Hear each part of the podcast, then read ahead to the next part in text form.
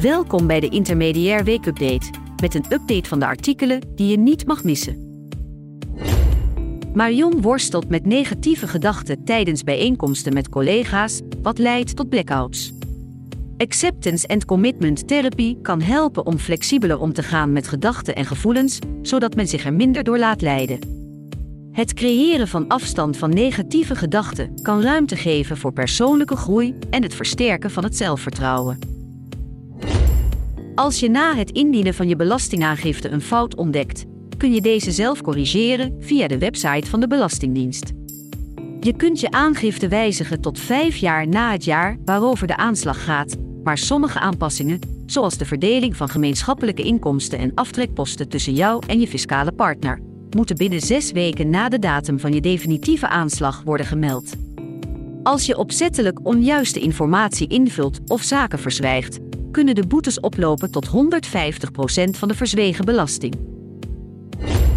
Alice krijgt een baanaanbod bij een internationaal cosmetica-merk na haar eerste sollicitatiegesprek, maar voelt zich onder druk gezet om snel te beslissen.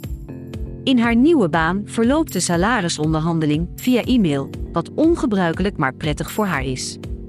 Carrièrescoach Phoebe Gavin waarschuwt voor valse urgentie en adviseert om een week bedenktijd te vragen bij het ontvangen van een baanaanbod.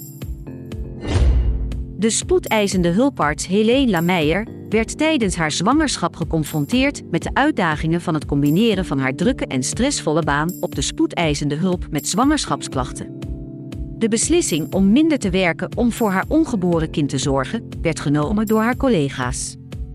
Volgens bedrijfsarts Monique van Beukering werkt de helft van de zwangere vrouwen in Nederland onder onveilige omstandigheden, wat risico's kan opleveren, zoals groeiachterstand, een miskraam, hoge bloeddruk of vroeggeboorte.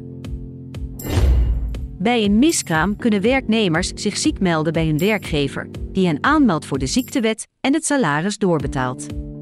Wettelijk zijn werknemers niet verplicht om de zwangerschap te melden aan de werkgever.